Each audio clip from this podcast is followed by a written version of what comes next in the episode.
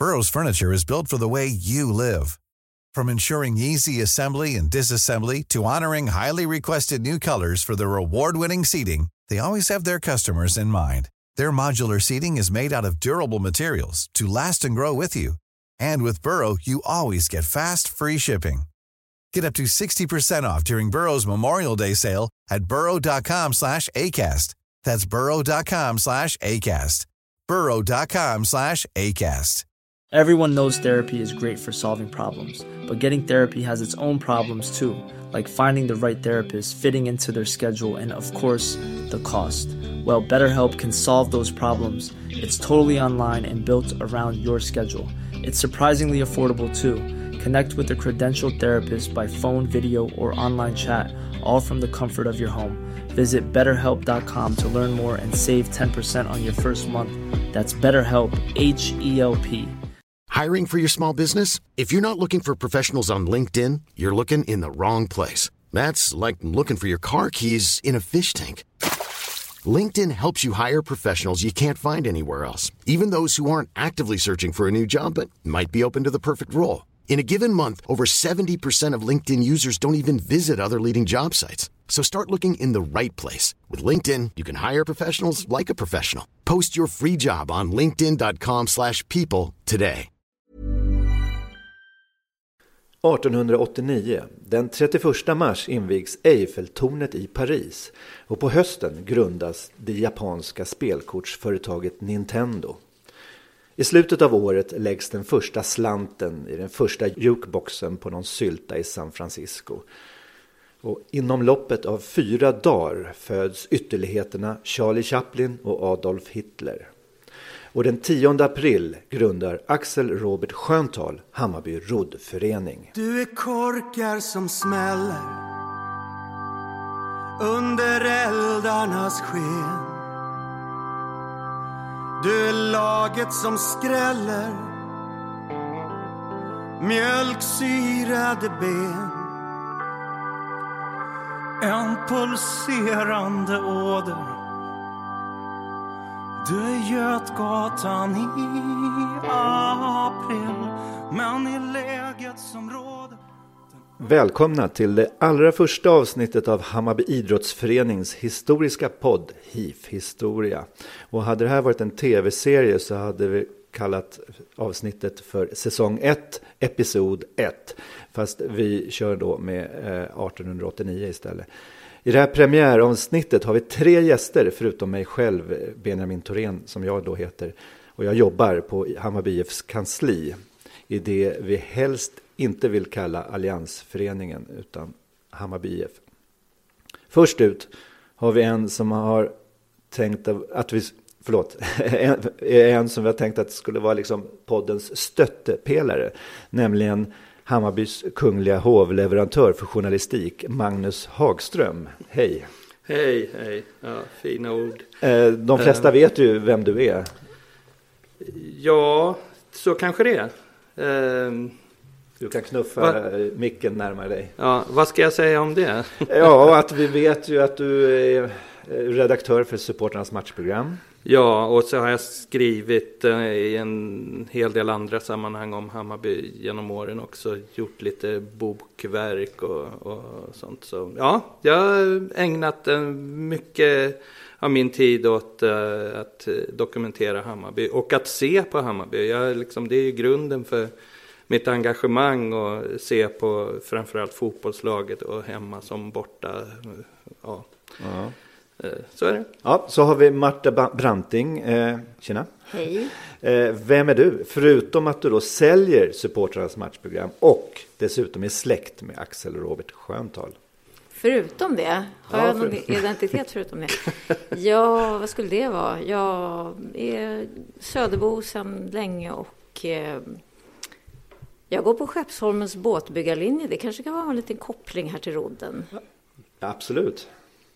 Uh, Okej, okay. vår tredje gäst är Anton Meijer. Du är vår specialist på Hammarbys förhistoria, kan man säga så? Ja, jag hoppas det i alla fall. Är sakkunnig på ett väldigt, väldigt avgränsat område. Vad har du gjort med det här? Om du berättar om din, du har haft en hemsida om 1889. Vad, vad är liksom bakgrunden? Ja, precis. Eh, bakgrunden är att jag under sista året när jag gick på gymnasiet, 2012 tror jag det var, eh, på Södra Latin så hade vi kursen projektarbete och då valde jag att dedikera den till Hammarbys, eh, Hammarbys grundande. Så att jag eh, la ner eh, oproportionellt mycket tid på, långt över det som krävdes för den kursen, på att ja, men dels att försöka fånga upp några av de där trådarna som, som fanns kvar efter ditt arbete Benjamin, men, men också eh, Eh, ja, men hitta nya saker som, som det var en ganska tendensiös, får man säga, liksom arbete där jag hade en tydlig, ett tydligt mål med att hitta ja, men argument eller liksom motivering för att Hammarby IF skulle ändra sitt grundande år till, till 1889. Eh, och hemsidans syfte var väl dels att få ut det eh, till intresserade Hammarbyare men, men också lite att eh, ja, men opinionsbilda och kanske i viss mån också skapa engagemang, vilket väl på den tiden gick, gick sådär får man säga. Just den här frågan om eh, årtalet då, bild, av bildandet 1889 eller 1897. Mm. Jag tänkte vi köra på 1897-året. Den här gången så handlar det om ditt, det du fick fram om Sköntal kan man säga mm. och även om bildandet förstås. Mm. Eh, så det ska vi ta. Så att jag tänkte börja med att köra en liten summering av Hammarbys 1889. Det kanske blir eh, lite diskussioner om eh, vissa formuleringar här, men jag kör ändå. Så, för det var då den 10 april som Axel Robert Sköntal klubbade igenom bildandet av Hammarby roddförening. Det gjorde han på ett möte som sannolikt skedde i Barnängens lokaler vid Tegelviksgatan. Skälet till att det är att fabriken hade dels en musiksal, dels en sal för gymnastik just i den huslängan. Och övriga Barnängen bestod av olika fabrikslokaler och bostäder. Och vi vet att föreningen Hammarby då hade möten i Barnängen. Nu var det inte så att det här stod i alla tidningar den 11 april att en ny förening hade bildats. Hammarby roddförening figurerar överhuvudtaget väldigt lite i pressen de första åren. Ska vi vara riktigt noga så dyker det inte upp någon anständig form av sportjournalistik förrän 30 år efter Hammarbys bildande runt 1920. Det här året, 1889, finns det en, en tävling dokumenterad. Det var söndagen den 25 augusti då Hammarby anordnade kapprodd på Hammarby sjö mellan en, två och fyrmansriggade båtar samt lustbåtar. En som verkar vara en hejare på rodd och som troligtvis satt i den första styrelsen var A. Sundqvist. Han vann pokaler för första platsen i fyrårade lustbåtar och en andra plats i singel utan styrman.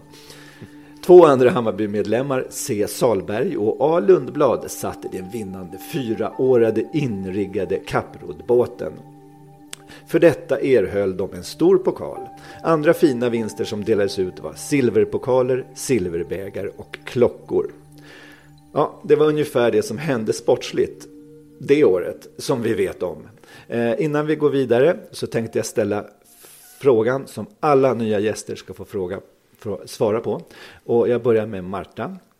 Hur blev du Hammarbyare? Har du en första dag då? Bing, jag är bajare. Nej, det har jag inte. Jag, det smög sig på. Jag eh, flyttade till Söder och till ett ockuperat hus, Mullvaden, 77. Och då eh, var det väl så, alltså Hammarby var liksom en del av lokalsamhället. De stod med på eh, telefonlistan till exempel, dit telefonkedjan som man skulle ringa om polisen kom och stormade.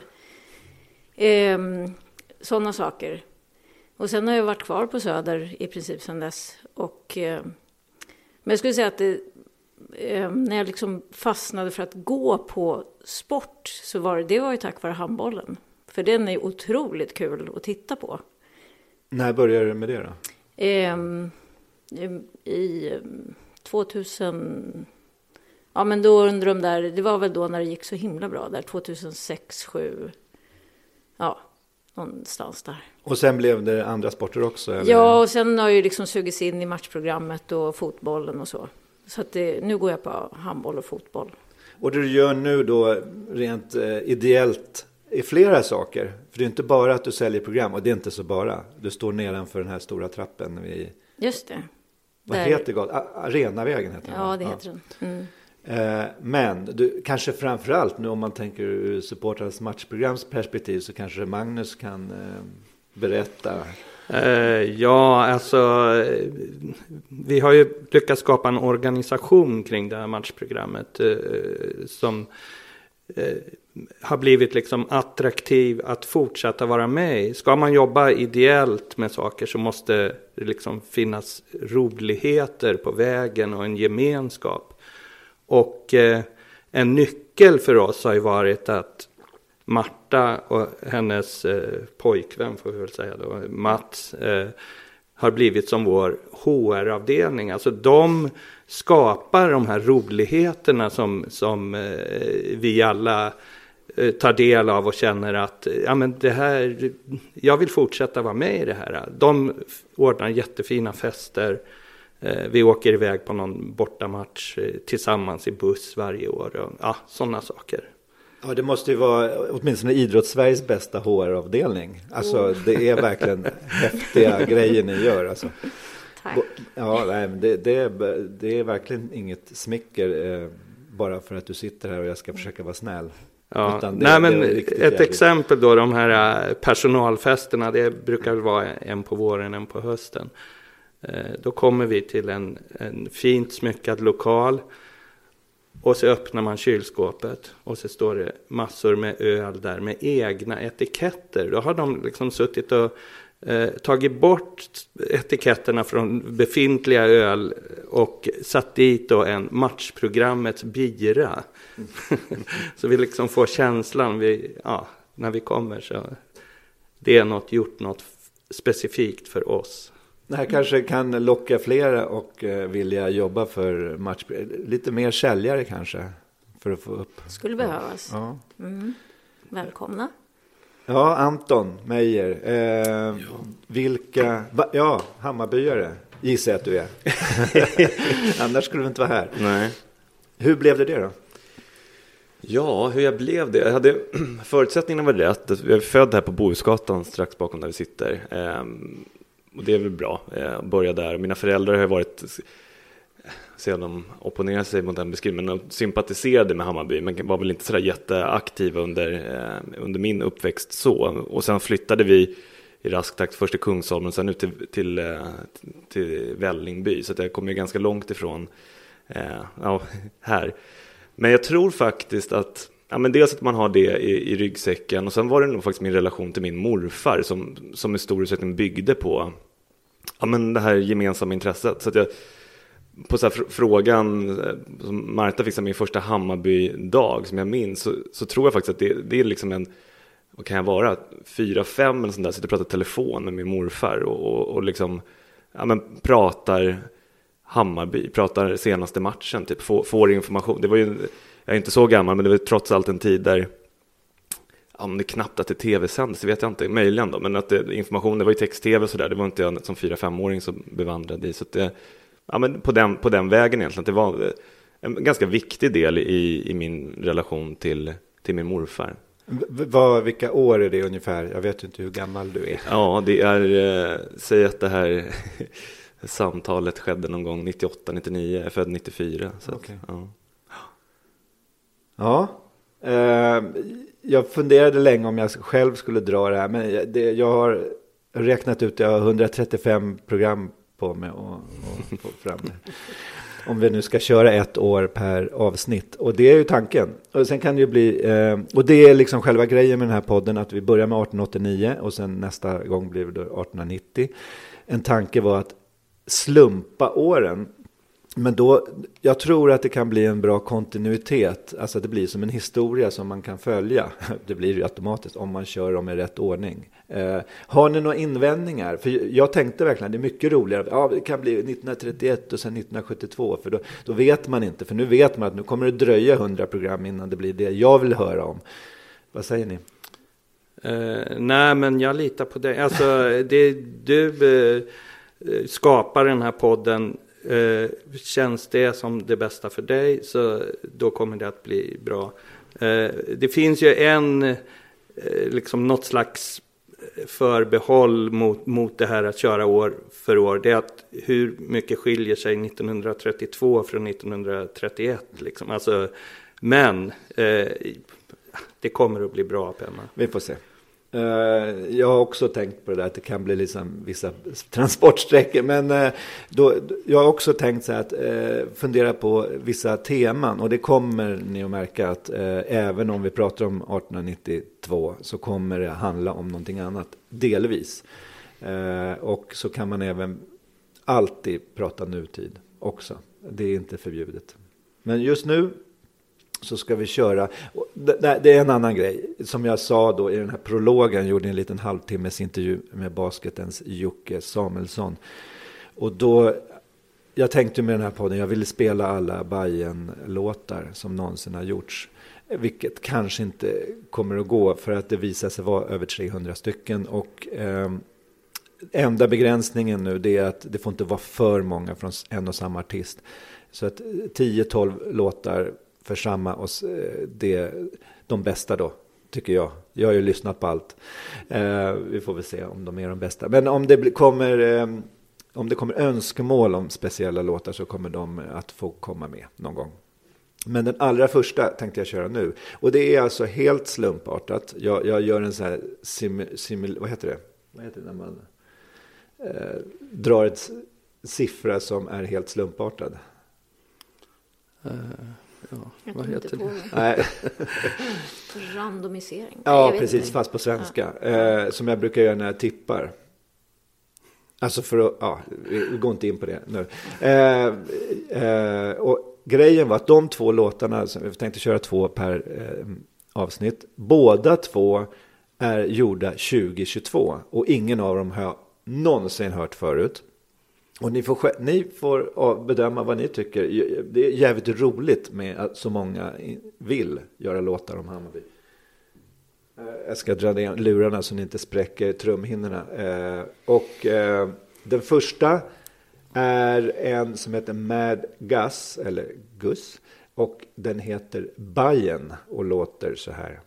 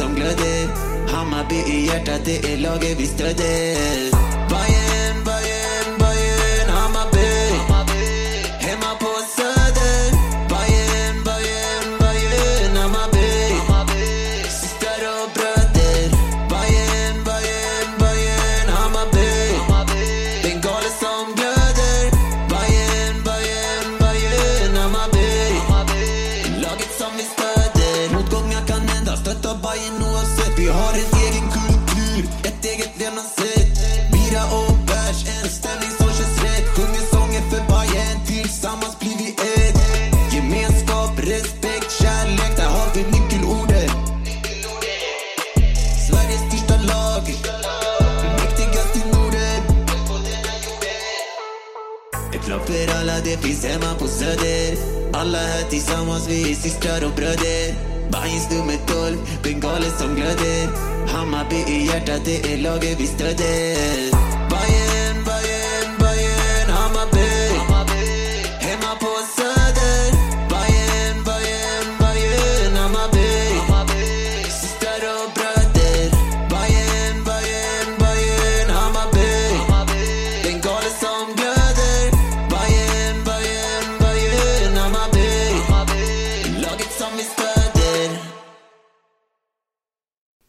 Kommentar, någon? Eh, ja, nej men eh, alltså det är inte riktigt min genre sådär. Men eh, de, jag tycker ofta hiphopparna de är bra på att liksom formulera, alltså få in orden snyggt, rytmiskt. Är det frasering det kallas? Eller jag vet inte. Men ja, det tycker jag ja, det är plus. Okej. Har ni några åsikter? Jag kan tycka ibland att sådana här supporter, inte bara Hammarby, men generell supportermusik har en lite tendens att bli eh, så här ganska generisk i, liksom, i texterna. Där, liksom, systrar och bröder, bengaler som glöder. Det känns som att det där, det man har hört ett par gånger. Eh, och det särskilt lite mot de, de, de liksom, låtarna som faktiskt, där man märker att det finns eh, ja, men en, annan, en annan ingång i kulturen kanske. Så det här var väl eh, ja, men lite, lite blandat. Okej. Mm. Marta? Nej, men jag har inte heller lyssnat in mig på vare sig musikgenren eller kanske, som du har ju suttit och lyssnat igenom alla de här Hammarbylåtarna, så jag kan liksom inte jämföra riktigt. Men jag blir ändå imponerad över, alltså det är otroligt vad man kan framställa bra, liksom, alltså bra kvalitet på, på ljud, tycker Mm. jag. Och, ja. Alltså, jag håller med. Eh, det du Anton säger eh, är att jag, när jag lyssnar på allihopa då så känner man att det finns, det är liksom det är två olika nivåer. En där, där man känner, vad ska man kalla det för kvalitet kanske? Jag vet inte. Men det är någonting som är, ja det här är en riktig låt. Och det andra är, alltså det, som du säger, Söder är väldigt rimmat liksom. Med bröder och glöder och vad var det mer. Och, och Ja, å andra sidan så tyckte jag, gillar den här, nu har jag lyssnat på den kanske tre, fyra gånger. Och, och man, får ju aldrig säga att någonting växer i, i, om man är recensent, för det är lite så här. Får man inte? Nej, det fick inte jag, när jag de få gånger jag har recenserat. Att, nej, men det, det är lite sådär, vad då växer? Alltså, det gör det kanske, men... eh, Ja, men det tänkte jag säga. Ja, Men okej. jag är inte recensent, Nej, precis. men- Kanske. Alltså, alltså första gången man hör en Det- låt, alltså många låtar växer, Ja, Sätt, sätter sig. Alltså, jag, första gången jag hörde eh, Richards och Magnus låt, jag tyckte det lät lite tråkigt, någon gospel liksom lät, den har ju växt enormt mycket. Alltså den, alltså den, med. jag blir tårögd när jag hör den. Ja. Alltså, Så var det inte första gången. Då, alltså, så det är så, att det Nej. växer ibland. Men jag tycker nog också som Marta sa att det är kvaliteten. Alltså det är, det är inte liksom något nå garage eh, dunk liksom. Utan det är, det är riktigt bra. Och, och nästa är väl ett, en total annorlunda sorts låt. Fast också något som känns proffsigt liksom. Men det tar vi sen. För nu vill jag veta vem var Axel Robert Sköntal? Ah, Har ni slip- den?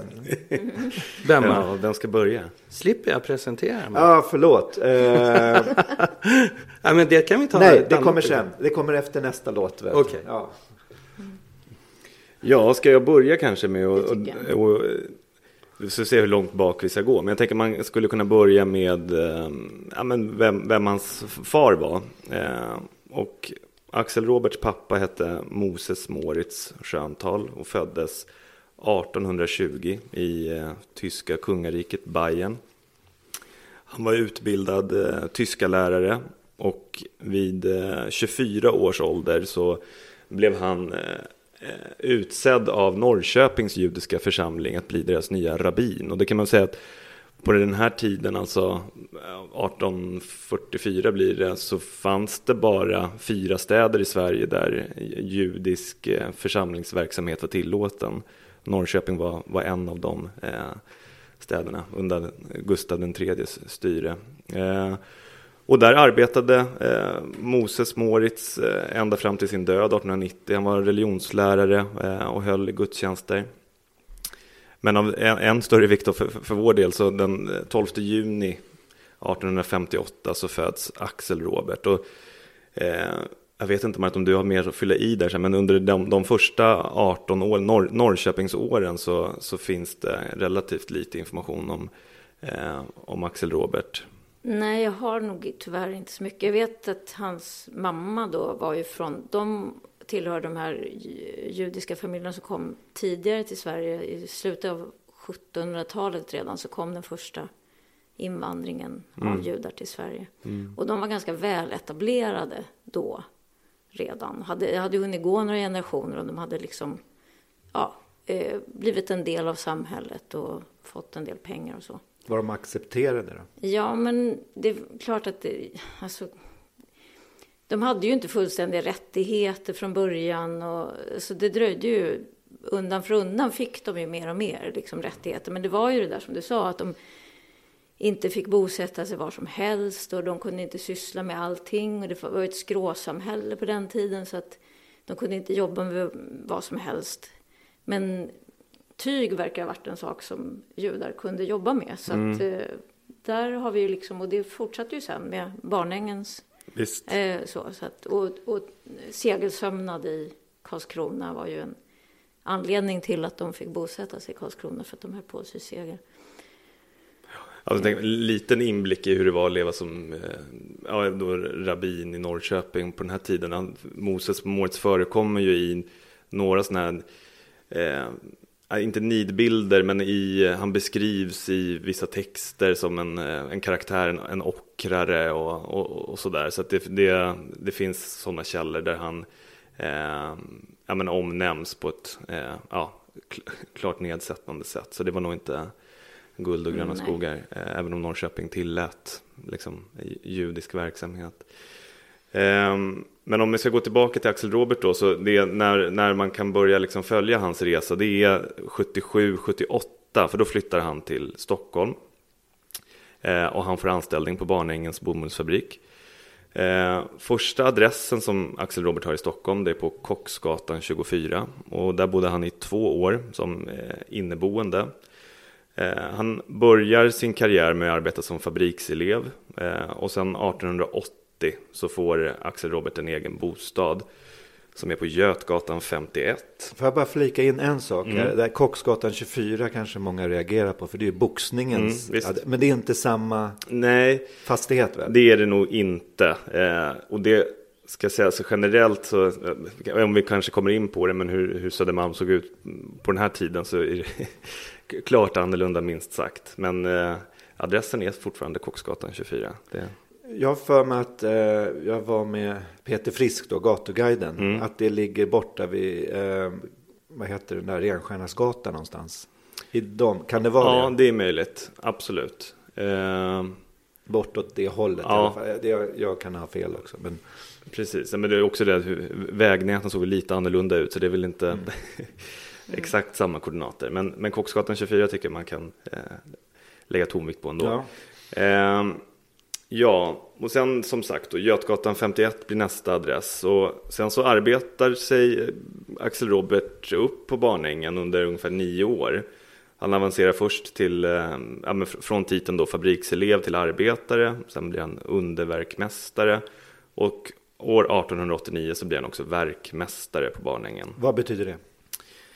Vad det betyder? Ja, det, att vara verkmästare är ju som att vara liksom ansvarig för verksamheten på, på den avdelning. Sen vet faktiskt inte jag riktigt, av, för bomullsfabriken sysslade med flera olika saker och de hade ju också någon typ av filial i, Liljeholmen, åtminstone samverkar väldigt, väldigt tydligt med dem och hade också eh, verksamhet någonstans söder om i landet. Ehm, men ex, exakt med vad som han var inriktad på vet jag faktiskt inte. Ehm, men i samband med, med det så flyttade han också in på Barningen, på Barnings tvärgata nummer ett. Ehm, och kan säga det, så här, under de här åren, så år 1885 så gifter sig Axel Robert med Lydia Johanna Kahn.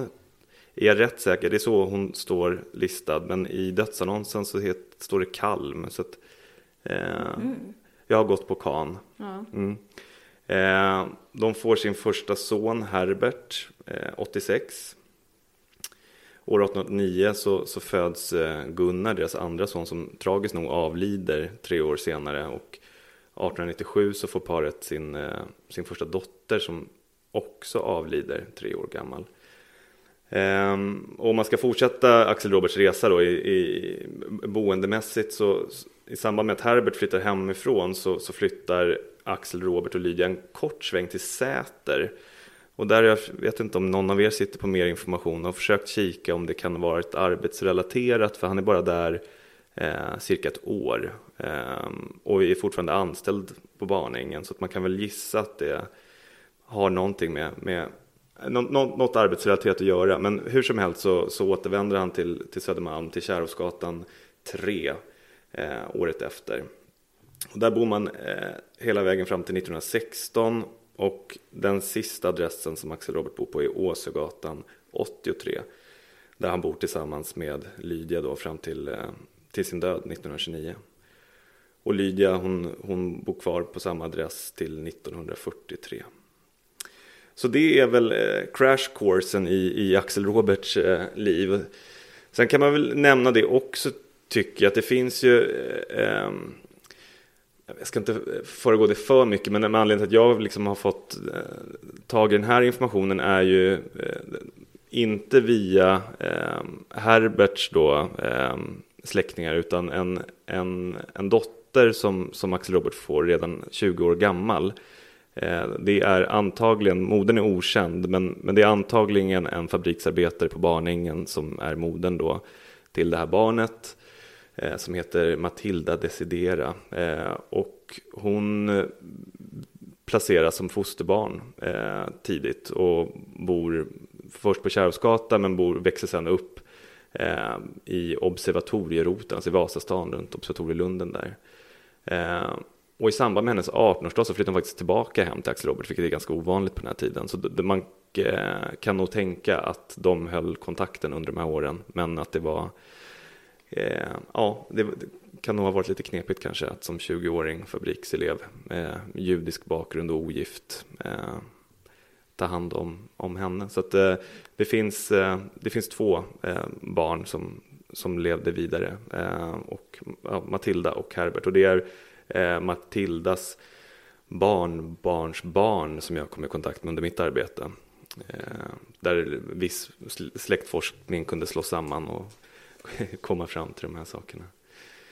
Ja, nej, men det, det är egentligen, det finns ju mer saker kring Axel Robert, men det är väl egentligen det som är de, i de stora dragen, liksom. var, var han bodde, var han levde, hur familjen såg ut. Och han var ju verksam på Barnängen under hela sin arbetskarriär, liksom. från, från fabrikselev till verkmästare. Men han var ju i England och pluggade Ja. också. Um, Ja, den, den, jag vet faktiskt inte riktigt när i tiden det är. Om det är strax innan han kommer som fabrikselev.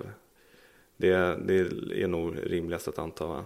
och det är väl rimligt att Rodden, rodden kom. Absolut, absolut. Och det, han har ju besökt Oslo vid åtminstone två tillfällen, vid ett tillfälle 83 och sen redan 84, 1884 då så arrangerar han ju eh, roddkapplöpningar då, inte under Hammarbys regi givetvis, men, men eh, så att rodden har ju varit eh, Ja. Var det här på Hammarby sjö? Ja, det ska det ha varit. Okej.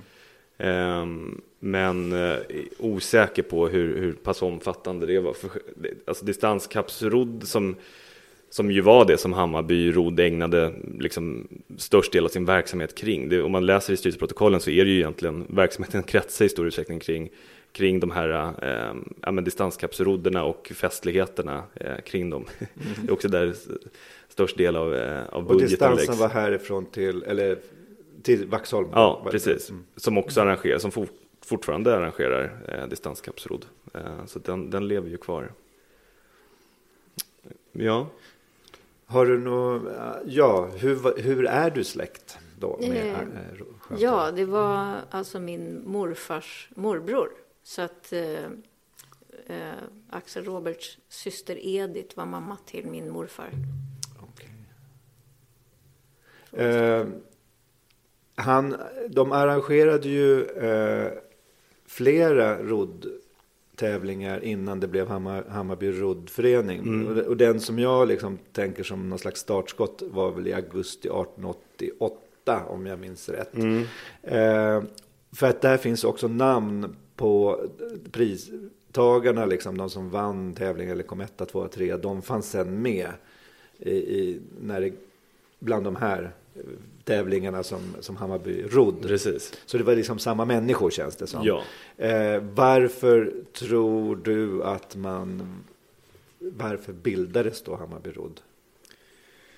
Ja, alltså varför det bildades, det, man, om man ser tillbaka till hur, liksom, hur idrottsrörelsen såg ut på den här tiden så är det ju Visst, i, i, i viss mån så, så hade den redan börjat ploppa upp, men, men tidigare så var det ju eh, mer organiserat i det här som kallas för associationssällskap, där man eh, ja, men det, var, det, det, var liksom slutna sällskap, centralstyrda, eh, ibland liksom statsdirigerade rörelser eh, som eh, såg helt annorlunda ut än hur ja, den moderna fotbollen kanske i viss mån börjar likna den, men det, det som vi, den svenska liksom, föreningsverksamheten, liksom en, en bjärt kontrast till den.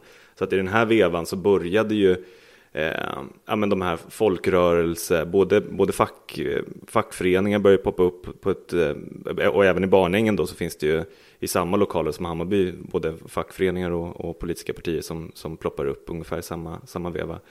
Eh, så det, det, det väl, var väl liksom ett led i tiden på något sätt att, att man även som, som arbetare hade det fanns väl en uppfattning om att det var liksom slöseri, att man, man ska inte lägga sin energi på, på sånt där liksom, trams. Det, det ska liksom hänges till, ja, men till att stå nere vid, vid, vid svarven eller vid, vid vävstolen. Liksom. Men, men det började väl förändras under den här tiden.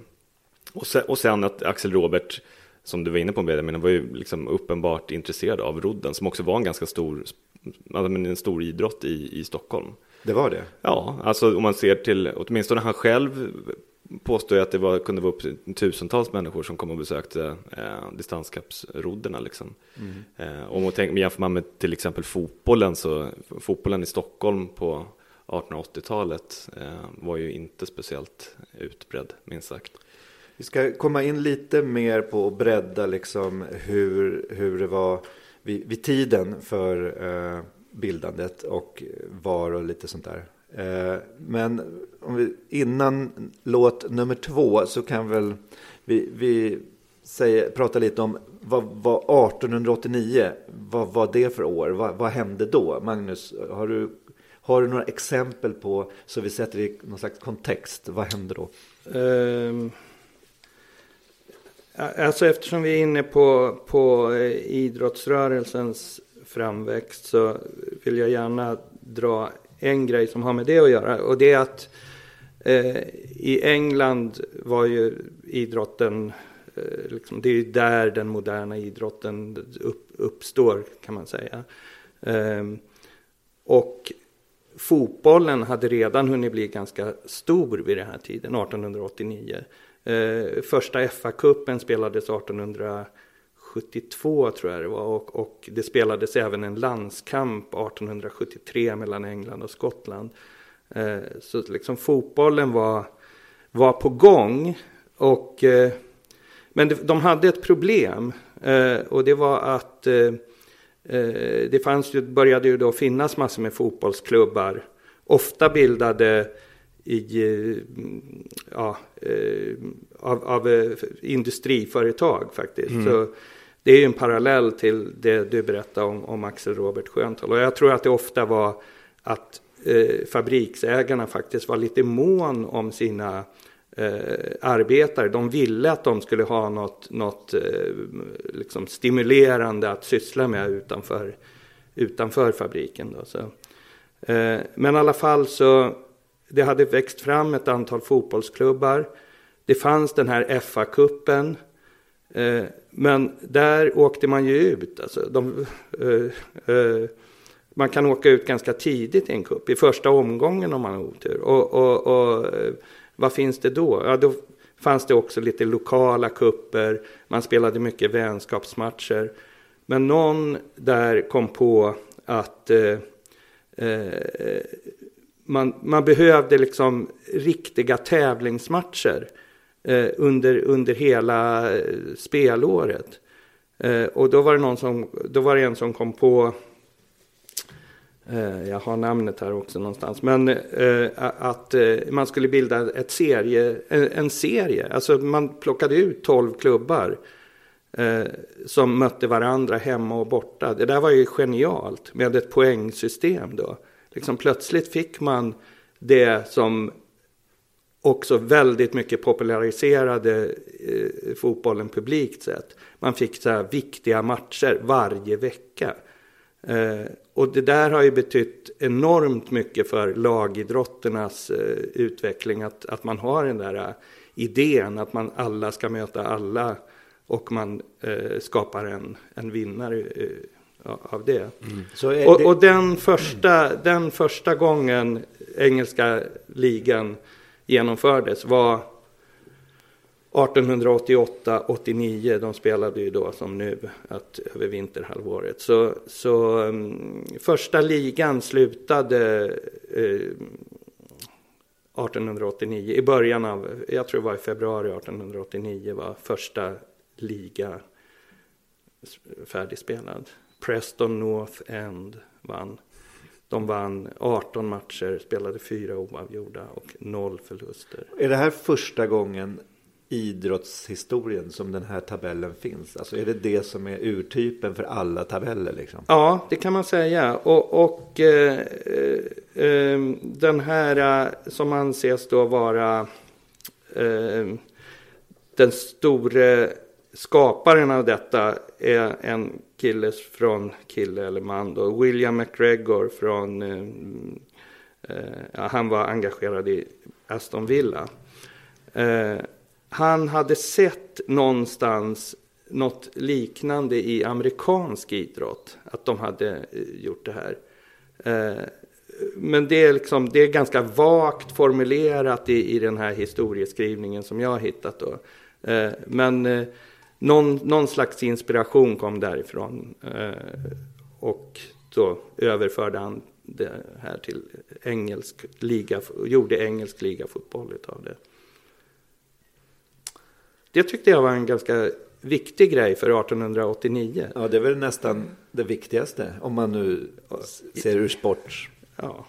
Idrottsperspektiv kanske. I alla fall för oss som gillar tabeller. Jag bara flika in det med, med, just Millwall. Du är väl kunnig inom, inom den föreningen. Men är det en syltfabrik som var platsen för Ja, det stämmer. Ja. Eh, Jam Factory ja, där på, på um, Isle of Dogs mm. som den uh, hette då. Som en, som en slags halvö i Themsen bildar en liksom krok så att det blir en halvö. Och den heter Isle of Dogs och där startade ju då.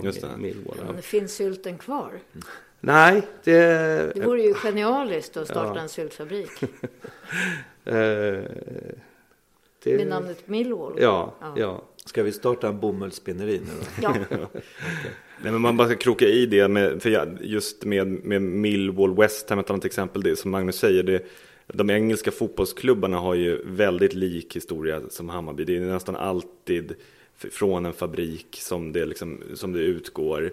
Men så har de också det, väldigt många exempel, West Ham, Millwall till exempel, som har grundats i ett annat namn. Men sen med i relativ närhistoria, precis som Hammarby, väljer att ändra det för att anpassa det till verksamheten. Och det, där är ju Millwall eh, ett sådant exempel. Var det något annat som hände 1889 som, som i den verkliga världen? Då, I den verkliga världen, ja. Utanför Sundbyberg? Eh, ja, det är ju lite grann, du har ju nämnt några saker där vissa föddes, några några eh, väldigt kända filosofer föddes. Har det något, eh, kan det kopplas till eh, Hammarby? Ja, allt kan kopplas. Det vi inte har sagt, ursäkta att jag avbryter det här, men mm. vi kan ju, skulle ju kunna dra lite om vad, vad Hammarby är för någonting också. Att det är en gård med anor från tidig medeltid, kanske sen vikingatid, på andra sidan vattnet här. Uh, vet ni något mer om Hammarby gård? Mer än att de hade ganska stora ägor runt här? Uh, Nej, men ordet hammar har väl med någon slags bruksverksamhet att göra va? Mm. Eh, Eller är att det en, kan vara en upphöjning som en klack också i naturen Okej. som ger det namnet. Ja. För namnet Hammarby finns ju runt om i Sverige, Ja, flera orter. Men det är förmodligen en, eller ja, en det, det är, ofta är det liksom någon slags naturformation som ger, ort, som ger de här namnen. Mm. Som sen ger namn till gårdar som sen blir platser. Okej. Jag vill att ni fortsätter prata en liten stund så att jag kan kolla på iPhonen. För, för grejen är att eh, eh, jag försöker hitta stället där, eh, där då gården låg. Och det, det är alltså Hammarby, eh, vad heter den, Allén va? Mm. Men då Ja, men- kan jag passa på och, och dra en spekulation om namnet Schöntal. För det finns ort, en ort i Bayern som heter Schöntal. Och det finns även eh, någon ort som heter Varen som också är ett namn som finns i släkten. Mhm. Och en kvalificerad gissning är ju då att de har tagit sitt namn efter orten Ja, det otippat. det vill säga Sköndal. Ja. Åh, Okej. inte Koppling. Bara, inte bara, Minns och de kom från Bayern då. De kom från Bayern. Ja, Ytterligare en koppling. här. Ja. Mm. Det blir lite så här som Twente Enskede. Ja, precis. liksom. Eh, jo, på Hammarby Allé, eh, precis framme vid Lumatorget. Sista, så att säga, sista kvarteret till vänster som jag tror har någon sån här Adidas eller Nike outlet någonting i hörnet då. Googla, kolla på någon karta. Där låg själva gården. Där Hammar, innan den revs då på, var det 40-talet som sista byggnaden revs.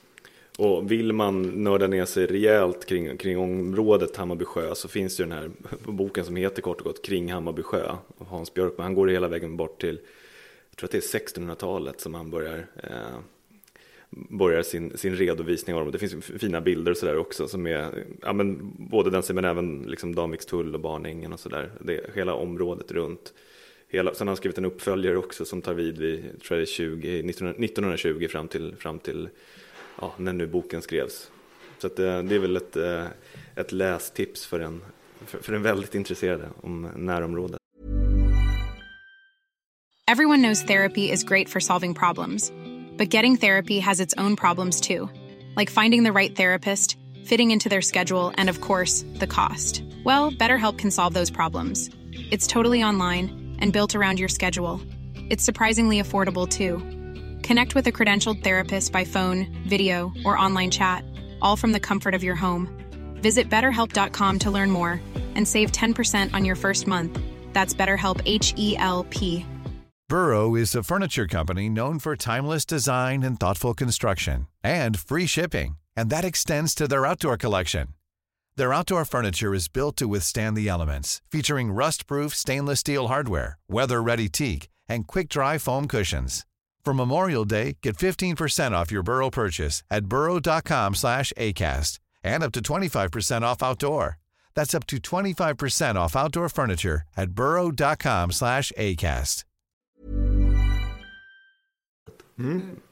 Eh, innan vi går vidare så kan vi väl köra då låt nummer två. Det, här, det låter det så här. Eurovision, eller, melodi nummer två. Eh, vad, vad är det de säger? Kompos, nah, det spelar ingen roll. Det är, gruppen eller bandet eller vad man nu ska säga kallas för Pint med, med svensk stavning, P-A-J-N-T. Och eh, låten heter Hammarby har vunnit. Jag tycker, ja, jag ska inte säga någonting. Vi tar kommentarerna efter.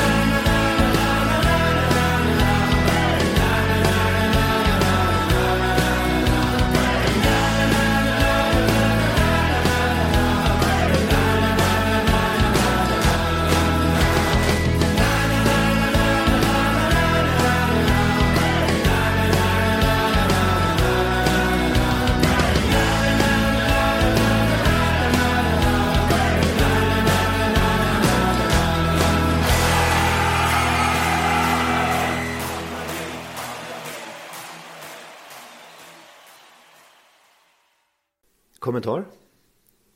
Vem börjar?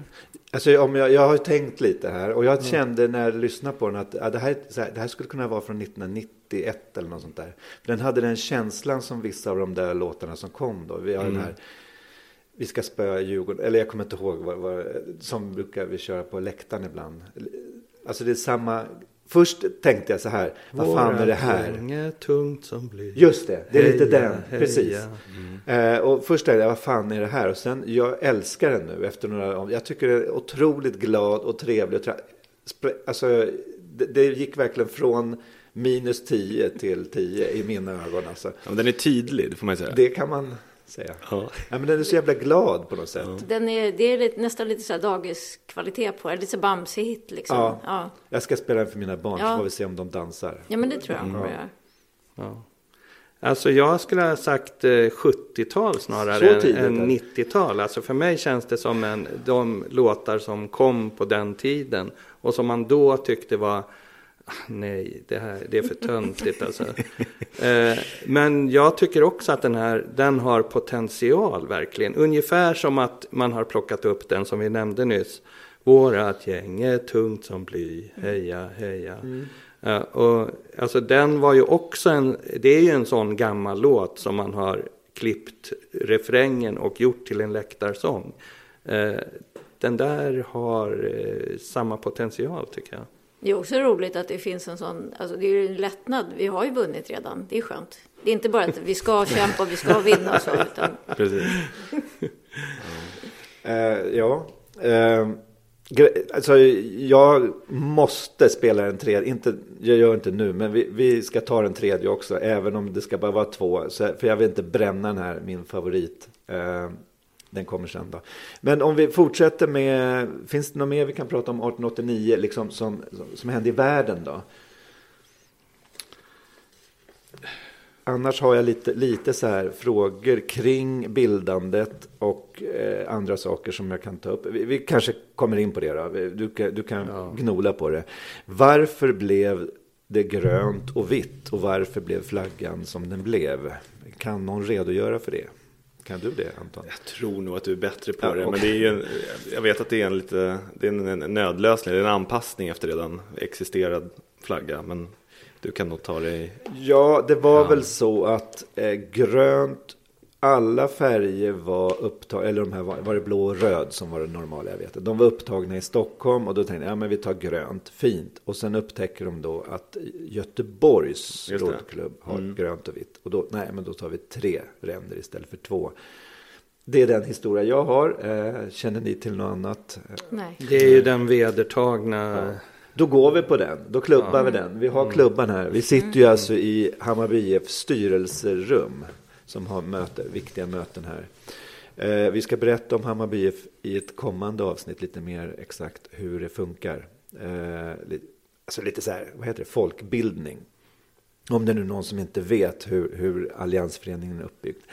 Eh, sen kom en, en, eh, en fråga, eller en, en, ja, en uppmaning från nätet. Jag tycker det är väldigt bra, för vi har ju varit inne i det här. Beskriv miljön kring Barnängen, Hammarby sjö runt bildandet. Men även kanske stan då. Och, ja, Ja. Marta, vad säger du? Ja. Skulle du kunna beskriva? Det, jag vet inte, men jag, det är ju liksom en otroligt omvälvande tid för, eh, för stan. Det flyttar in människor hela tiden. Det byggs jättemycket nya hus, de här stenkåkarna som liksom ersätter trähusen som har legat tidigare på Söder. och gårdar och sånt som har legat. Det Söder var ganska lantligt innan dess liksom. Eh, Så omvälvande och ja, samhället liksom genomgår en stor omvälvning med industrialiseringen, urbaniseringen. Eh, Det måste varit rörigt och, och eh, spännande liksom. Det var en jättestor inflyttning från inte minst Norrland i, på Ja, den tiden. från hela landet Ja. tror jag. Och, och ja, precis, från hela landet kom ju folk. Och det, var, ju- det är ju därför också gator har fått sina namn som alltså eh, Skånegatan, Hallandsgatan. Det bosatte sig folk från liksom, olika landskap på olika ställen, tyckte man. Okej, så alla landskapen är representerade i gator, är det så? Det vet jag inte om de är. Men Alltså, det jag- finns ju Norrlandsgatan och Smålandsgatan och ja, alla Fast den möjliga. här Bohusgatan, den, jag vi Västmannagatan och. Upplandsgatan. Då kan man tänka sig, då kom de liksom där uppifrån och så kom man nerifrån och han fastnade på söder. Det är sant, ja. Just Mm. det, de sydliga landskapen är på söder och Ja. Mm. Man orkade inte gå längre. Bohusgatan hette ju Hammarbygatan jättelänge och jag, det är väl eh, inte bra. Nej, det är inte bra. Det måste vi Nej. göra någonting åt. Ja. Ehm, Det är som Skärmarbrink också. Va? Som, Ja. ja, en sorg. herregud. Mm. Vad hette Skärmarbrink? Hammarby. Ja. Det hette Ja. Eh, sen är det en, ja, det lät som om du hade någonting att säga. Eh, nej, men dels så, mm, nu hoppar jag lite här då. Men men eh, vi pratade om de här år, årtalet 1889 och, och eh, eh, fabriken, Barnängen. Eh, det var ju faktiskt så att eh, Socialdemokratiska arbetarpartiet, eller Sveriges socialdemokratiska arbetarparti bildades då också. Så det lär väl också ha varit en del av den här sjudande staden som växer fram som du talar om, liksom i- industri. Och en framväxande just arbetarklass. Förstås. Ja. För tidigare var det inte lika många. Alltså det fanns ju, folk var hantverkare och bönder och sådär. Men det fanns liksom, det började växa upp industrier, stora industrier med, där folk blev det som vi idag kallar knegare. Mm. Eh, sen en annan liten reflektion kring det här eh, Eh, som vi klippte ganska snabbt med eh, Hammarbys eh, färger och flagga där. eh. Det är lite intressant, alltså grönt och vitt är inte supervanligt som, som eh, färgkombination i, i idrottsvärlden. Det finns ju såklart här och där, och, men, men det är liksom eh, eh det är ganska litet jämfört med så här olika blåa, eh, blåvita och röda varianter. Men på Söder så har det blivit så att förutom Hammarby då så är liksom några av de stora klubbarna är ju faktiskt grönvita och det där det är lite intressant. Är det en slump eller? Jag menar Hellas, en stor klubb, grönvit. Reimers, stor klubb, grönvit. Det fanns, fanns och finns en som heter Södermalms IK. Den var ganska stor i början av 1900-talet. De höll på länge med skridsko också. Grönvit. Eh, brottarklubben Aten eh, har lokal här på Södermalm. Grönvit. Alltså, ja. Jag har ingen eh, teori men jag tycker det är lite... Är det en slump eller inte? Det, det, det är något att fundera över. Mm. Spännande. Sen har vi Bolton och de är väl gulsvarta. De är gulsvarta, ja. Jo, det är klart att det på Ful- Söder finns en och annan. finns. Mm. Ja. Ja. Eh, här är en som, jag ställer en, en intressant fråga. Och det är så här, det, det jag har funderat kring är att flera av de som grundade klubben inte var arbetare som man föreställer sig det idag. En ingenjör, en kamrer, en vävmästare. Var det en förening som skapades för arbetare snarare än av arbetare? Eller vad var det ursprungliga syftet? Vad tror du? Ja, alltså, ja, man man börjar med när du hade din introduktion där och till exempel nämner A. Lundblad. Det är ju inte för att du inte orkar säga förnamnet utan att det är, det är svårt att veta vad det fullständiga namnen är. Och det gör ju också att när man ska efterforska lite kring de här personerna så, så stöter man på patrull. Så att, eh, av de som har gått och kollat så stämmer ju det att det är eh, liksom, ja, hierarkiskt så står de eh, högre än arbetare, vilket var relativt viktigt på den tiden om inte annat. Men, men alltså om det var för arbetare eller av arbetare så är, om man tänker till exempel Axel Robert då, som, som ju garanterat var en, en, en roddutövare och, och, och, har sysslat med det, så är det frågan är ju hur mycket han faktiskt har eh, ja, men, tävlat i rodd under Hammarbys flagg. Och det är väl inte speciellt troligt att han kanske ens har gjort det. Eh, och sen du var inne på tidigare, många av de som figurerar eh, där 88, liksom i eh, strax innan, de är ju sen med också i, i, i bildandet av Hammarby Rodd. Så man kan väl tänka eh, att Ja, alltså i viss mån så ligger väl de, de som eh, har så att säga styrelsepositioner möjligen att de eh, står lite högre i rang men att de, eh, de medlemmar var ju, det var ju arbetare eh, på, alltså, jag vet inte om det är uteslutande men i väldigt hög utsträckning arbetare på Barnängens eh, bomullsfabrik. Eh, och när Axel, han skrev ju i Hammarby, Hammarbybladet va, 1922 så skriver han en text om de första åren. Så där. Då, då refererar han ju till, till den, ja, det är väl några år senare då, men de här Hammarbypojkarna och, och fabriksarbetarna. Liksom. Så det är ju, det är ju de som, eh, ja, som engagerade sig i, i Hammarby. Men sen, ja, vilka som satt i styrelsen, möjligen att det var eh, inte liksom de som stod liksom på, på golvet möjligen. Men det, det, är lite svårt att veta just av liksom tidigare nämnda skäl att det finns ju väldigt, eh, väldigt lite information och det här att styrelseprotokollen saknas från 89-90 ställer ju till det också eh, i stadsarkivet där så det är, det är synd minst sagt. Det var faktiskt nästa fråga och det är en, det är en liten brännande fråga. Det är så här, finns det någon dokumentation kring var datumet 10 april kommer ifrån? Jag har mina tankar, men det finns det ju inte som du nämnde nu. Alltså. Man Nej. vet inte egentligen. Eller? Nej. Nej, alltså det, det refereras ju, det är ju väl det här, äh, alltså den motionen 1906 där man, man fastslår att man ska använda 10 april 1889 som grundande år, där nämns det ju eh... Då är det ju nära tid de levde, ja. alltså det är ju samma människor. Precis. Så det, det är ett bra indicium liksom. Det är ett väldigt bra indicium. Eh, men nej, nu, alltså Börja med vad, du har för tankar. Nej, så men jag, kan dels, jag kollar, alltså 10, dec äh, december, 10 april 1889 är en onsdag. Mm. Okej. Okay. Hmm. Skumt. Det borde vara en söndag som var det första årsmötet 19, ja, man blir 1890. Som var 6 april. Och det är ju det, det jag tänker så ja, de har ett årsmöte eller vad det nu var. Näst, väldigt nära 10 april. Mm då, då kanske det ändå var april. Liksom, för man borde väl ha mötena ungefär eh, samtid, samma tid på året. Varför skulle de hitta på ett datum om det ändå var i närheten av det datumet, även om det var en onsdag? Det kan vara en onsdag kväll. Liksom. Eh, det andra var, jag tror det var påskdagen eller något sånt där året efter. Som det var. Jag, jag har koll det någonstans. Men och det var en söndag då. Men eh, ja, det är väl bara den tanken jag har att de har haft. Och sen, ja, de har haft årsmöte nära tionde. Det var liksom inte ja. 8 september. Mm. För då hade jag bara, ja, varför har de det? Liksom. Mm. Mm. Har du någon annan tanke där? Nej, egentligen inte. Men, men just, jag, jag, tycker väl att det är väl kanske det, eh, det starkaste eh, vad ska jag säga, argumentet eller källan till det är just det där eh, från 1906. Och precis som du säger att de som är verksamma då är ju från tiden för grundandet. Så att det, det bör ju vara sanningsenligt. Mm. Här har vi en annan eh, fråga och, och nu vi kan väl ta det här då. Var någonstans bildades Hammarby Rodd?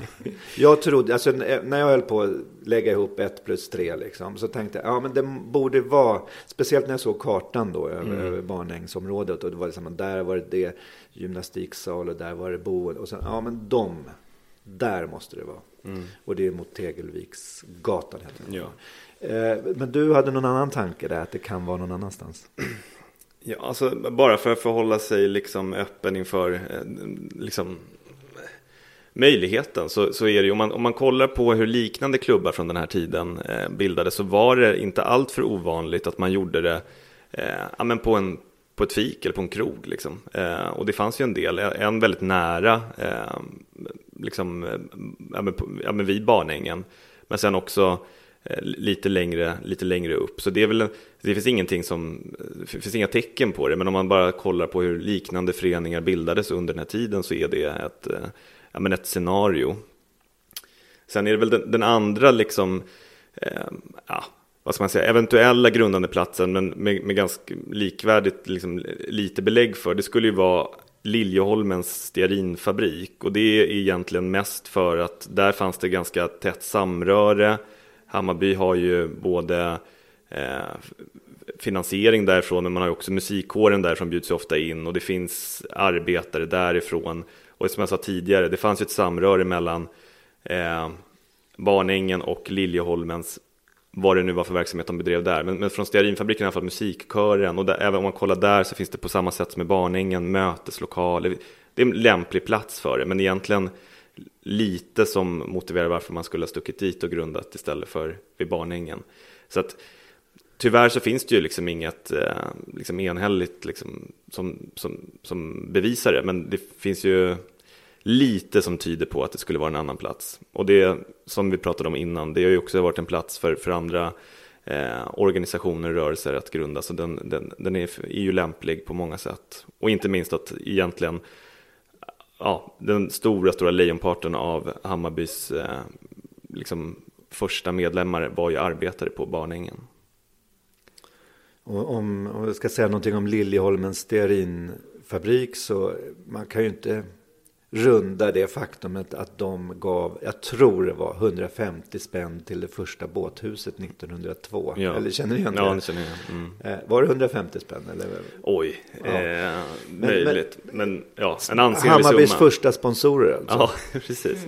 Mm. Eh, Ja, men också det, det går ju också i linje med det som du pratade om tidigare Magnus, just med hur, hur fast tätt sammankopplad man är med, med sin arbetsplats. Alltså det, det går ju verkligen igenom de brittiska fotbollsklubbarna men likväl Hammarby. Och då, och då till och med två då, eh, fabriker, både Liljeholmen och eh, framförallt Barnängen. Uh, Okej, okay. så att vi vet inte exakt med 100% säkerhet var någonstans det första mötet tog plats. Nej. Men det har rätt snabbt eh, senare i tiden finns det belägg för att man Hammarby hade en lokal, eller man ska säga, i Barnängen. Mm. Eller fick låna eller något sånt där. Och det var väl det som var tydligt på att de jobbar ju där. Jag tror att man, man ställde ju adressen för 94, 93 eller 94 så beslutade man att Axel Robert Sköntals hemadress är eh, föreningens. Kan det vara hemma hos honom då? Ja, det är väl inte omöjligt. Han, bor, han flyttade ju in där 1889. Osäker på när år 18. Han blir ju verkmästare det året. Eh, så att, ja, flyttar han in där. Är det där plaketten ska sitta? Ja, varför inte? ja, för att jag tänkte mer på de här där. Det har det jag tänkt också. Ja. ja, men rimligen kanske man inte vill att det ska dundra in massa fabriksarbetare in i, in i hemmet. Så han flyttar mer dem in i något av de mer anpassade rummen eller lokalerna. Eh, Men vem vet? Sen kom en fråga. Eh, var någonstans låg första båthuset? Eh, och, och då kan man säga också, var låg första bryggan? Och då, då var det någon som undrade, går det att säga det? Och, det? och det kan man absolut göra, men då måste man eh, sätta på datorn och ta Google Maps eller sådär och följa med här i svängarna. För den första bryggan låg på det som nu är Alsnögatan. Det är liksom en metkroksformad gata där eh, ena slutet, eller man ska säga, där den har svängt, är i linje med Bondegatan ner mot vattnet. Och den ligger alltså på trottoarkanten på Alsnögatan mellan 22, 20 och 22. så låg den bryggad, man ser ofta på bilder med kvarnen i bakgrunden. Jag säkert säger det är tanter som står på bryggan. Och det är förmodligen den bryggan som mm. första båt eh, där de var. Det är alltså jag repeterar då. Trottoarkanten, Alsnögatan 2022. Ställ er där och känn er riktigt Hammarby historiska. Då kommer fråga två. Var låg första båthuset? Där är också så här, jag har kollat eh, så här gamla kartor och jämfört. Det är alltså inne på gården Alsnögatan 18 och 20. Så låg då eh, strandkanten. För det var ju då, där, det var ju vid vattnet. Så det är bara slå upp någon karta och kolla Alsnögatan 18 och 20 och gå dit och, och fira varje någon datum som ni känner för? Mm. 10 april kanske? Eller, Fäll, fälla in en liten plakett i... ja, det är också under arbete kan man säga. Mm. Jag har undersökt saker men jag har inte gått vidare direkt. Men känner ni till det? Någon form av firande brukar väl ske där nere 10 april? Eh, Gabriel Gemmel som drev på det som du eh, Anton kanske började med det här att eh, eh ja, omformulera vår historia och, och, och eh, eh göra 1889 till startdatum. Han, han eh, eh, motionerade ju om det, skrev väldigt utförligt, eh, eh, övertygade eh, liksom, ja, fotbollens årsmöte Mm. till att börja med då. Att, att 1889 bör vara vår startår. Han, eh, jag vet att han också i samband med det så försökte han få igång något årligt firande eh, 10 april på den här platsen. Mm. Eh, jag vet faktiskt inte hur det har gått. Jag har inte varit med själv så jag Ja, okej. eh, vet ej kan man säga. Men det var, alltså, det var något, eh, eh, någon form av upprop gjordes och, och ja, liksom idén var att det, det ska vara någonting. Men vet ej om det blev. Men för jag har för mig att under den tiden som jag eh, var som mest engagerad i det här så, så, så pratade jag med en person som berättade att de, de var ett litet gäng och då fick jag för mig att du var, var en del av det lilla gänget som 10 april går ner dit och, och släpper ner en vit ros i vattnet eh, och ja, har en liten högtidsstund. Men eh, ja, jag vet inte, det kanske det fortfarande gör. Men, hur, hur många de är, det, det, det går nog att fylla på. Det finns nog plats. Det finns många fina Hammarby-traditioner Ja. som börjar anspråkslöst. Det här är vårt eh, Na- Nacka-statyn till exempel var väl mm, några, några jeppar från bayern fans som tyckte att de ville göra något kul på julafton. Mm. Nu, nu är det jättestort och, och så kan det funka. Mm. Eh, innan vi rundar av. Eh, så det är någon liten grej som jag skulle vilja höra med Marta. Om du har någonting att tillägga om din släkt där. Vad, vad, har du hört någonting? Alltså i din barndom liksom. Om Axel Robert. Skönt, skönt att Alltså tyvärr så, ja, min morfar som ju då var hans, ja, eh, inte barnbarn utan vad det nu blir. Han, jag hade, så träffade ju jag inte ens min morfar. Så att jag har tyvärr inte någon sån där, min mormor har jättemycket sl- släkthistorier från, men inte från min morfar. Ja, vilken otur. Vilken otur. Men eh, vi skulle ju kunna göra två långa avsnitt om dig ändå. Förutom den här mullvaden. Ja. Och sen har du ju en annan släkt med visst efternamn som du själv har. Ja, Branting. hur ska vi koppla det till Hammarby Nej, tycker du? vad som helst, berätta. Vad ska vi- Nej, men säg vem det är och, och hur. Eh, ja, att Hjalmar Branting som ju var ganska delaktig i det här socialdemokratiska arbetarpartiet en gång i tiden var min farfars far. Men han var inte Hammarby. Ja, Alltså inte vad jag vet. Han var, jag, jag, jag tror att han var lite sportig i början och sen så blev det mer att han alltså, gick över på andra saker. Mm, pun, punch och politik. Om vi tar det andra spåret då. Eh, Mullvads eh, ockupationen. Va- va- vad fanns det för söderkänslor i det liksom? Var det något speciellt att det hände just på Södermalm? Eller var det bara Ja, men slumpen? det, nej, nej, det var speciellt tror jag att det var på Södermalm. För att det var väldigt, alltså det var ju vid den tiden ändå ett så här starkt engagemang för, liksom på Söder, på alla möjliga sätt. Liksom där alla möjliga organisationer var delaktiga. Så, alltså förutom Hammarby på den här telefonlistan så fanns det ju en eh, motorcykelklubb. Ja, men det, det var liksom, eh, det var brett och stort och mycket liksom. Och eh, det bodde ju mycket gamla knegare kvar som kände sig väldigt hotade då också. Att de också skulle åka ut och husen skulle rivas och sådär. Eftersom det var väldigt många hus som stod inför det hotet. Liksom. Och hotet besannades kanske? Ja. Rivning eller lyxsanering var det ju som gällde. Det, det är ju genomfört nu kan man säga. Alltså jag har för mig att det finns någon, någon, att det har hänt någon gång att Hammarbys fotbollslag haft någon banderoll till stöd för detta. Eh, Drömmer jag om detta? Jag vet inte. Kanske någon vet om som kan Mm. säga det på Ja. sociala medier.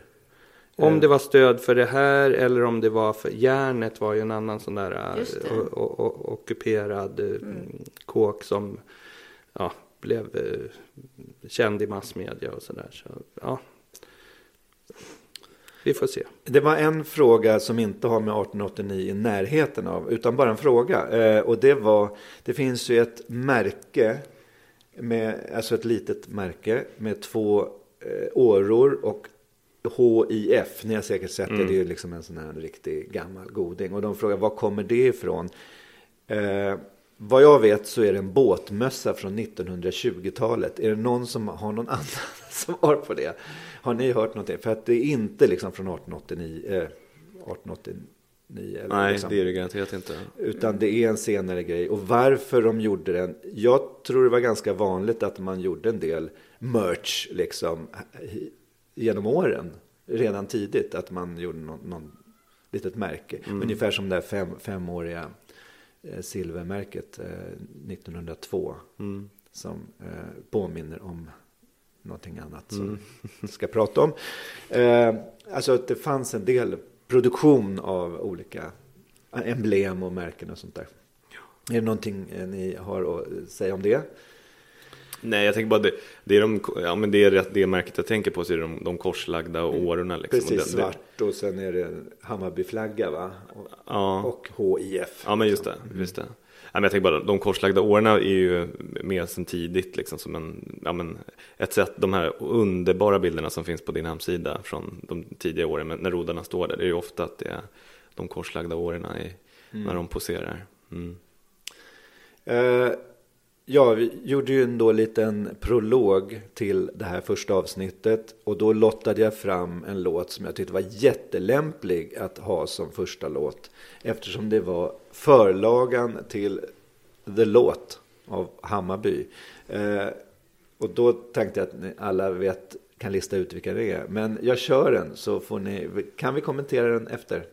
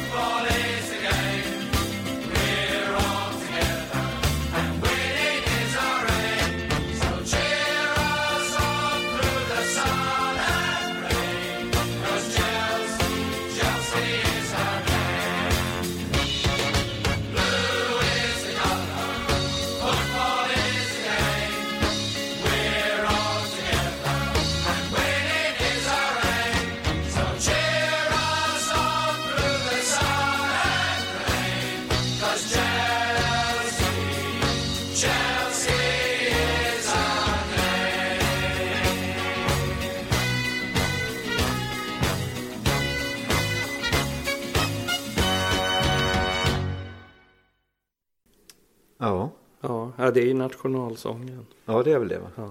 Mm. Eh, Jag kommer ihåg från läktaren på typ 80-talet att eh, det var en, eh, en sån här informell klackledare, en kille som kallades Farsta-Gurra. Han brukade resa sig upp och säga, äh, men nu drar vi nationalsången. och så alla visste att det var den. Sen på 90-talet hände någonting. Då liksom var det folk som trodde att man skulle sjunga svenska nationalsång. Alltså liksom det blev en annan, eh, eh, ja, det hände någonting där med klackkulturen. eh, Till det sämre då tycker jag. Men, ja, eh, nej men den är ju väldigt speciell. Eh, ja, nu var ju det här uh, Blue is the color och, och Chelsea, men all, alla förstår ju att det handlar om Bayern var namnet. Som då, som väl många känner till också, djurgårdaren Åke Strömmer översatte och, och gjorde till den här Hammarby-versionen.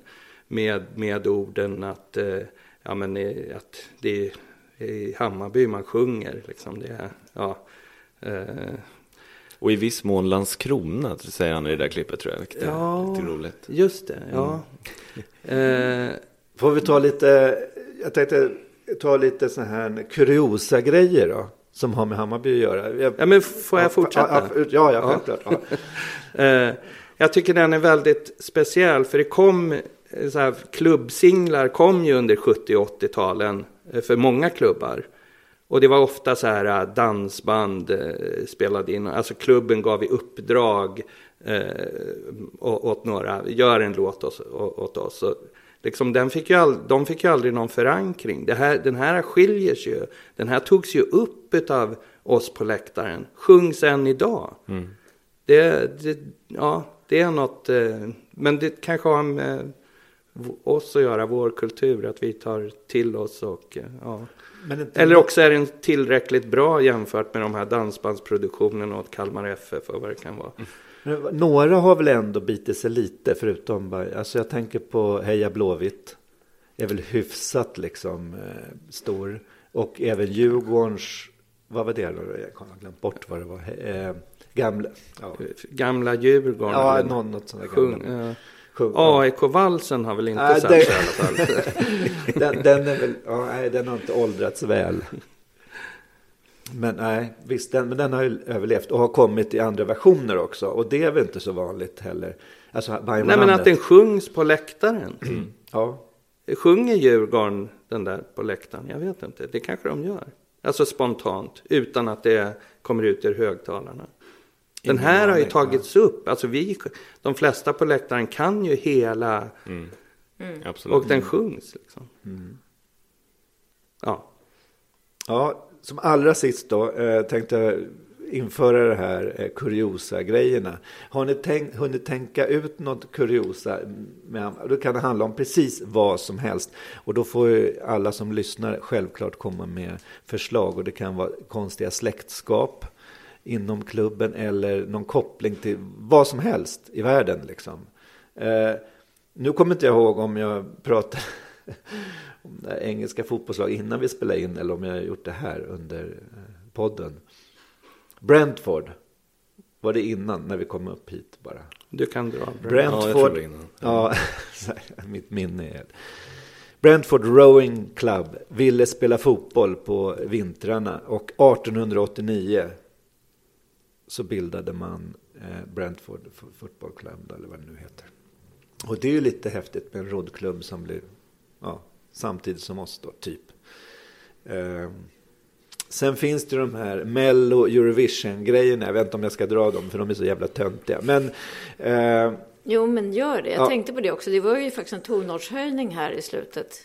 precis. Då har vi en övergång. Ja, en, en melodiradioövergång till eh, den orkestern som spelade in Bajen var namnet Eh, heter då, hette Marcus Österdals orkester. Och Han, hade, han arrangerade och spelade på väldigt många hittar svenska på 60 och 70-talet men också då på Bajen var namnet. Hans son är chef över hela Eurovision Song Contest. Och Och han heter då, då har jag inte skrivit upp det, så jag glöm, Martin. Han fyllde år, så jag såg det i tidningen. Och jag tänkte, Österdal känner jag igen. Så vi har alltså, eh, ja, det var, det var en lång skott där. Men en, en, som en annan Eurovision-grej, förutom den du sa Martin, helt uppenbara Mello-grejen. Ta den. Eh, Kenta. Kenta, ja. Att han har varit med. ja. Och så finns det då eh, låtskrivaren Joy Deb som eh, tillsammans med sin exfru är det väl nu och ett gäng eh, har skrivit mängder med låtar till Mello och, och har även vunnit hela eh, Eurovision med då Heroes med Måns Zelmerlöw. 1990, ja nu har jag inte skrivit, alltså man måste skriva upp grejer för när minnet inte för, typ 1992 så vann han SM i cross country cykel för 13-14-åringar i Hammarbys färger. Så vi har en Hammarbyare som gör alla Eurovision-vinnare, säger vi. Har ni något annat? Det är svårt att bara Ja, dra... kasta fram något. Ja. Men ni kan tänka på det till en annan gång. Och Ja. även de som lyssnar. Eh, jag gillar så här att barn, barns barn spelar i, samma Bajen som ja, farfars far. Det finns ju några sådana, tror jag. Eh, ska vi säga så? Säga typ hej då och Ja. tacka. Ja. Anton tack. Meijer, tack. Marta Branting, tack. Tack. Magnus Hagström, tackar, tackar. Tack själv. Och, och hoppas att, eh, jag tyckte det här var okej. Eh, Annars får vi lägga av så får jag slänga, sälja allting på Blocket. Eh, så tar vi av signaturen och den låter så här.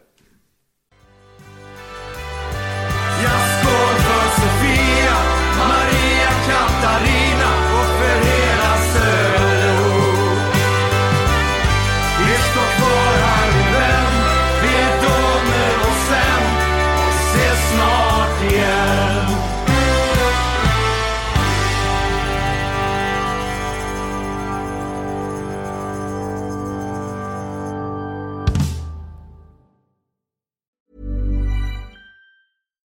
deserves the best, and there's no better place to shop for Mother's Day than Whole Foods Market. They're your destination for unbeatable savings, from premium gifts to show-stopping flowers and irresistible desserts. Start by saving 33% with Prime on all body care and candles. Then get a 15-stem bunch of tulips for just $9.99 each with Prime. Round out Mom's menu with festive rosé, irresistible berry chantilly cake, and more special treats. Come celebrate Mother's Day at Whole Foods Market. Planning for your next trip? Elevate your travel style with Quince. Quince has all the jet setting essentials you'll want for your next getaway, like European linen, premium luggage options, buttery soft Italian leather bags, and so much more. And is all priced at 50 to 80% less than similar brands. Plus, Quince only works with factories that use safe and ethical manufacturing practices. Pack your bags with high-quality essentials you'll be wearing for vacations to come with Quince. Go to quince.com slash pack for free shipping and 365-day returns. Mom deserves the best, and there's no better place to shop for Mother's Day than Whole Foods Market. They're your destination for unbeatable savings, from premium gifts to show-stopping flowers and irresistible desserts. Start by saving 33% with Prime on all body care and candles. Then get a 15-stem bunch of tulips for just $9.99 each with Prime. Round out Mom's menu with festive rosé, irresistible berry chantilly cake, and more special treats. Come celebrate Mother's Day at Whole Foods Market.